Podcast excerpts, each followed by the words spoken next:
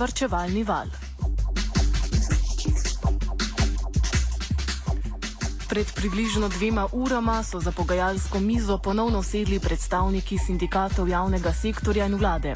Ministr za notranje zadeve in javno upravo Gregor Virant je prvič v novi stari ministerski vlogi od nastopa vlade Alenke Bratušek sindikalnim predstavnikom na mizo vrgal ponudbo novega vrčevalnega ukrepa, težkega dodatnih 130 milijonov evrov, ki bi večjem številu šli na rovaš plač javnih uslužbencev.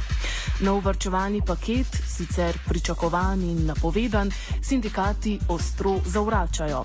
Potem, ko še o prejšnjih vrčevalnih ukrepih z vlado niso našli skupnega jezika in, in jih je del, da nimo šolniki in policisti, zaradi tega še pred meseci stavkal, je novo zniževanje plač za nje povsem nesprejemljivo.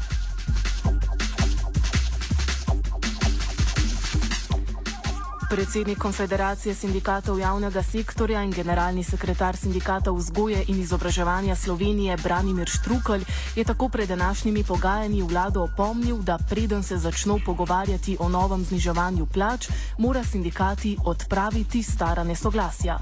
Gospod minister ima dožnost, da najprej sklene strokovni sporazum z sindikati, ki smo 23. januarja stavkali in katerih zahteve niso bile opredeljene s prejšnjo vlado v strokovnem sporozumu, kajti stavke drugače, kot da se sklene strokovnim sporozumom ali da stavkajoči odstopijo od svojih zahtev v tej državi, ni mogoče končati. Kar pomeni, da predno bo gospod minister karkoli rekel o za dodatnih zahtevah po znižanju plač v javnem sektorju, mora z nami skleniti strokovni sporozum predlog, ki ga je poslal za današnja pogajanja, je neresen ali pa gre za izjemno veliko podcenjevanje sindikatov. Kajti v tem strokovnem sporozumu, ki nam ga je vlada in gospod Viren poslala, pravzaprav uh, reče vlada, vi se odpovejte svojim strokovnim zahtevam in pristanite na dodatna znižanja plača. Ne, tako, uh, na tak preprost način pa se stvari niti v risankah ne dogajajo. Do novih varčevalnih ukrepov je kritičen tudi ekonomist Max Stajnikar, ki zagovarja stališče, da varčevanje v javnem sektorju vodi k zamiranju gospodarske rasti in je z tega vidika neučinkovit ukrep. No, jaz že vse skozi zagovarjam stališče, da dejansko varčevanje v javnem sektorju vodi k zamiranju gospodarske rasti, zmanjšuje se efektivno popraševanje in v razmerah, ko ni gospodarske rasti, potem tudi državni proračun ni mogoče reševati. Tako da jaz sem proti tem ukrepom uh, v javnem sektorju, ki so pravzaprav ključni ukrepi na področju teh tako imenovanih austerity measures ali pa ukrepov za zategovanje pasu. Ob novih in novih vrčevalnih ukrepih, ki finančno vse bolj priklenjajo prebivalstvo, slabijo z ekonomističnim jezikom povedano njihovo kupno moč in posledično zavirajo celotno gospodarstvo, se postavlja vprašanje, koliko so to vrstni enostranski, zgolj vrčevalno in odhodkovno naravnani javnofinančni ukrepi dolgoročno vzdržani. Max Stajnikar. No, se prav to vaše vprašanje mogoče najlepše kaže na uh, problematičnost uh, teh vrčevalnih ukrepov ne, ali ukrepov za zategovanje pasu. Zato, ker uh, recimo v Sloveniji smo en cikl takšnih ukrepov že preživeli. Imeli smo tudi en šipkejši drugi cikl in sedaj pravzaprav je predlog, da stopimo v tretji cikl. Ne. In uh, Če opazujete gospodarske razmere za lansko leto in tudi za letošnjo leto, boste videli, da so te gospodarske razmere iz meseca v mesec slabše. Mi nikoli nismo do sedaj, odkar smo samostojna država, imeli tako slabih eh, kazalcev, recimo gospodarske, gospodar, gospodarskih kazalcev. Ne. In so vsi ti elementi, ki so ključni za rast, za zaposlenost, za produktivnost, za izvoz in za nas standard, so v tem trenutku tako rekoč na dnu. Ne. In to kljub temu, da smo v bistvu mi te ukrepe zategovanja pa so v resnici v preteklosti kar pridno sprejeli in jih tudi pridno izvedli. Zdaj, ki smo v javnem sektorju, vemo, da smo zdobili kar precej dohodka. Ne? In tako da tudi, če vam, če teoretski argument, da to zmanjšuje efektivno popraševanje, ni dovolj prepričljiv, se mi zdi pa, da praksa kaže, da s temi ukrepi nikamor ne pridemo. Kaj bomo zdaj? Ker bomo znova ugotovili čez pol leta, da gospodarska rast še vedno je, da je gospodarska rast še slabša, kot je do sedaj bila, a bomo potem še v četrtu, četrti cikl zategovanja pasu recimo stopili. In eh, logika seveda je, da na koncu ukinete, ukinete javni sektor.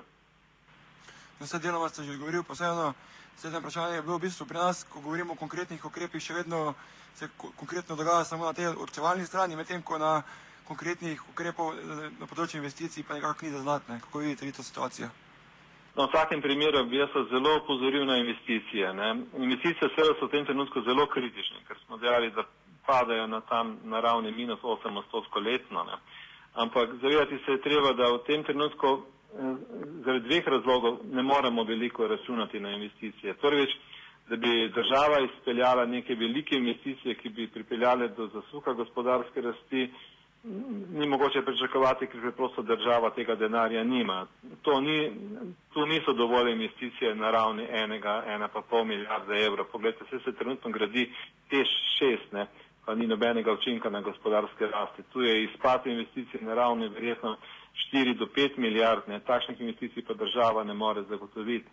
Druga stvar, ki je pa zlasti pomembna za te podjetniške investicije, investicije, ki jih izvajajo bodi si podjetja, bodi si celo podjetniki, eh, je pa zelo ključno, da seveda v podjetniškem sektorju so neizkoriščene zmogljivosti.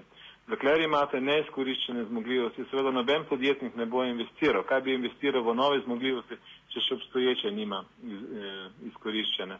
In zato je razumljivo, da ta izpad popraševanja, ki zdaj nastaja tudi z vrčevanjem v javnem sektorju, da ta vodi k vse manjšemu in manjšemu, vse slabšemu izkoriščenju obstoječih zmogljivosti, tem pa tudi odpravlja, bi rekel, potrebo, da bi podjetniki, da bi podjetja investirala, tako da iz tega, tega naslova tudi ne morejo nastati investicije. No in zato je tako ključno, da se ustvari relativno skromno in efektivno popraševanje, zlasti finalno, ki omogoča ki omogoča seveda izkoriščanje zmogljivosti, ker te pripelje do podjetniških investicij in še bistveno bolj pomembno je tudi to, da izkoriščanje zmogljivosti vodi k večji produktivnosti, fiksni stroški padajo, večji izkoriščenosti na mednarodnih trgih in s tem tudi do večjega izvoza. Ministr Virant pri novem valu vrčevanja v javnem sektorju ne zavrača niti odpuščanja, pri tem pa se naslanja na argument nesposobnosti. Sindikalist Branimir Štrukelj si težko predstavlja, na kakšen način bi bila mogoča to vrstna kadrovska selekcija.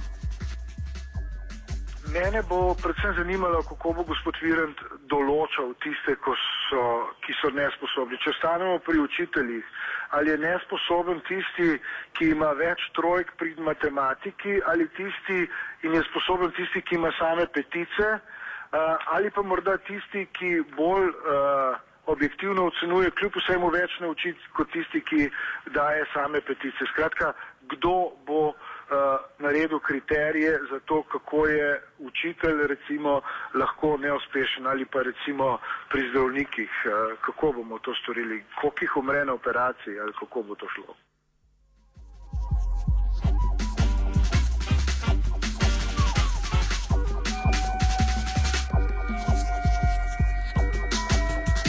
Zaradi domnevno slabega javnofinančnega položaja Slovenije se vladi mudi z uvedbo novih vrčevalnih ukrepov, posledica tega pa je tudi izjemno kratek predviden pogajalski rok. Ministr Virand želi namreč že v maju sindikati javnega sektorja doseči soglasje, v juniju pa naj bi novi ukrepi tudi že veljali.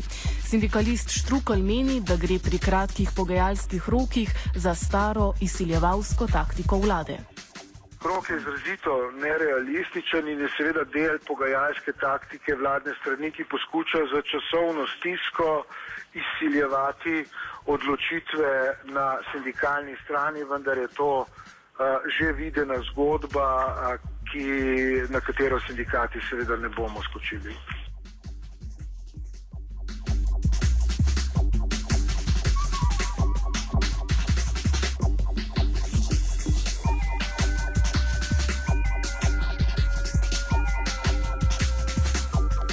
Max Stajnikar meni, da v pravi politični volji vlada lahko nove vrčevalne ukrepe udejani dokaj hitro.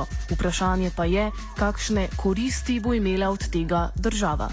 Če se omejeva samo na ukrepe, ki so vezane na to politiko vrčevanja ali zategovanja pasu, potem seveda tako politiko je mogoče hitro implementirati, ampak kot sem rekel, ne vem, kakšna bo, bo koristna. In glede na to, da smo vsi prestrašeni že v Sloveniji, sem pripričan, da bo tudi sindikati pristali na marsikateri res. Ampak osebno sem pripričan, da je to napačna pot. Resnici bi nova vlada morala pokazati eh, ali pa ponuditi nek paket ukrepov. Jaz sem sam zadnjič nekaj, nekaj pisal, da njih naštel 20 recimo, ne, ki bi jih bilo treba sprijeti in šele potem bi seveda mogoče nekateri ukrepi znotraj javnega sektorja bili koristni.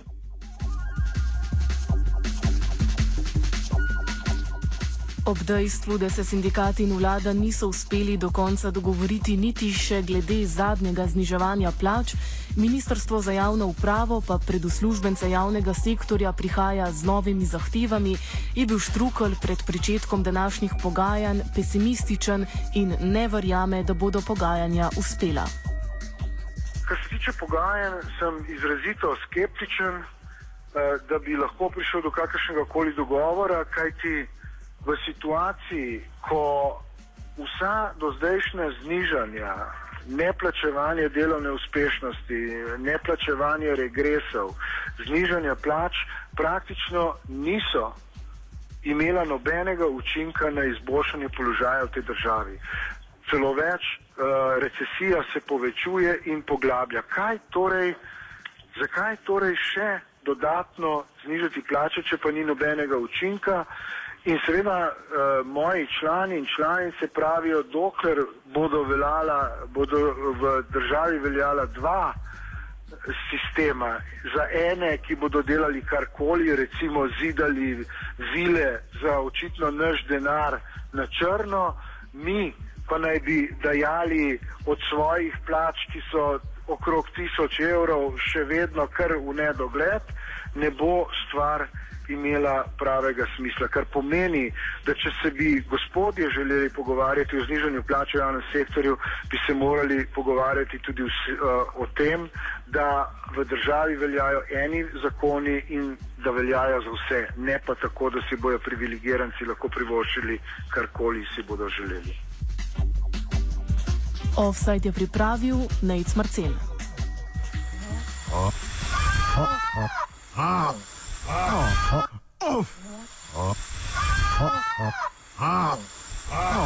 Offside.